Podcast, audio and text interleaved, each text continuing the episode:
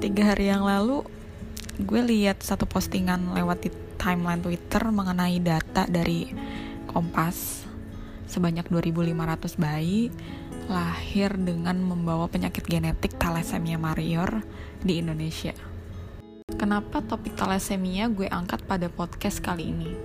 Hmm, karena pertama profesi gue memang concern pada human body fluid, terkhusus darah ya.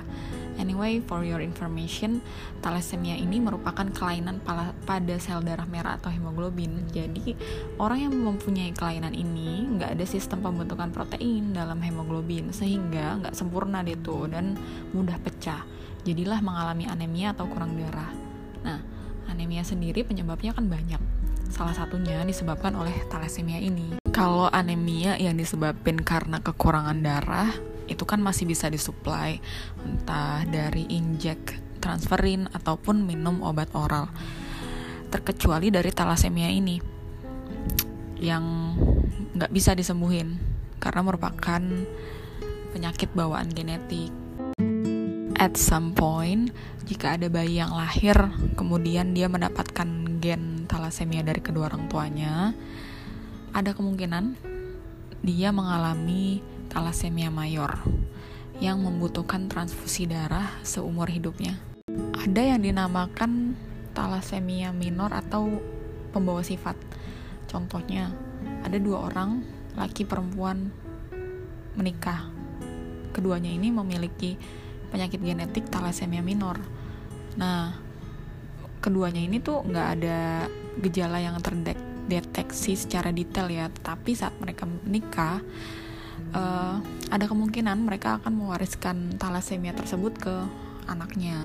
Mengacu data Hematology Oncology Working Group Data Indonesian Pediatric Society, pasien thalassemia mayor di Indonesia pada tahun 2019 mencapai 10.555 orang terbanyak ada di Jawa Barat sebanyak 3.636 pasien.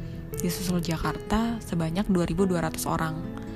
Kemudian pada tahun 2020 ada penambahan sekitar 400 pasien secara nasional. Menurut Bu Elvida Sariwati dari Kemenkes mengatakan bahwa sampai saat ini memang thalassemia itu belum atau tidak bisa disembuhkan. Tapi bisa dicegah. Ada tindakan preventifnya juga. Dicegahnya dengan cara screening thalassemia yaitu memeriksakan hemoglobin di laboratorium. Juga bisa menghindari pernikahan sesama pembawa sifat atau sesama thalassemia minor. Jadi bisa mencegah kehamilan untuk meneruskan atau mewariskan gen thalassemia mayor ke bayinya. Gue bukan bilang bahwa pengidap thalassemia minor atau pembawa sifat ini nggak boleh menikah atau mempunyai keturunan. Bukan itu poinnya. Maksudnya adalah untuk langkah awal sebaiknya memang diperlukan awareness terhadap penyakit genetik ini. Awarenessnya kan banyak ya, bisa dengan deteksi dini melalui cek kadar hemoglobin di laboratorium. Karena tadi untuk gejala dari thalassemia minor ini kan nggak kelihatan, bahkan nggak bergejala.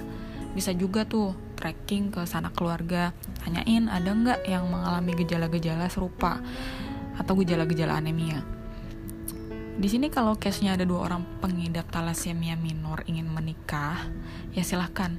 Gue pribadi nggak ada masalah dengan itu. Tetapi balik lagi ke asas kemanusiaan. Kira-kira dampak terbesarnya apa sih jika mereka mengambil keputusan untuk menikah dan mempunyai keturunan biologis? Keturunan biologis ya. Kalau mau adopsi justru lebih baik sih. Karena mereka berarti sudah aware dan nggak ingin mewarisi penyakit genetik ini penyakit genetik tersebut ke anak biologis mereka. Terakhir gue baca berita ada dua pasangan yang ingin menikah kemudian mereka screening premarital check up diketahui bahwa hasil dari kedua pasangan ini ternyata mereka keduanya mengidap thalassemia minor. Akhirnya mereka membatalkan pernikahan tersebut demi menjaga hal-hal yang nggak diinginkan pada suatu hari nanti. Dan itu best sih menurut gue karena balik lagi mereka aware akan persoalan ini. Gue bisa kasih sedikit advice untuk yang mau screening thalassemia. Kalian bisa datang ke laboratorium tanpa atau dengan rujukan dari dokter. Bilang aja saya mau periksa kadar hemoglobin untuk screening thalassemia. Gitu aja sih bilangnya kalau dari hasilnya menunjukkan kadar HB di bawah biasanya 8 atau 7 ya, berarti nandain adanya kemungkinan mengalami anemia. Dari situ sebaiknya hasil dikonsultasikan ke dokter umum dulu. Kemudian kalau memang perlu ada periksa lanjutan, bakalan dirujuk kok ke dokter spesialis.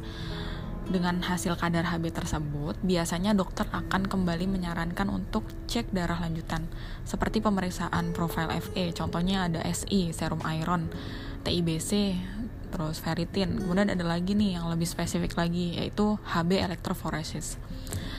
Uh, dari hasil pemeriksaan lanjutan tersebut, bakalan ngebantu menyempurnakan diagnosis dokter akan penyakit pasien tersebut. Ngomongin soal penyintas thalassemia di Indo kan banyak banget ya karena Indonesia sendiri tuh masuk atau berada di sabuk thalassemia. Indonesia tuh merupakan hotspot untuk hemoglobinopati yaitu penyakit genetik pada hemoglobin. Ini menurut Pustika Amalia dari Departemen Ilkes Anak FKU RSCM.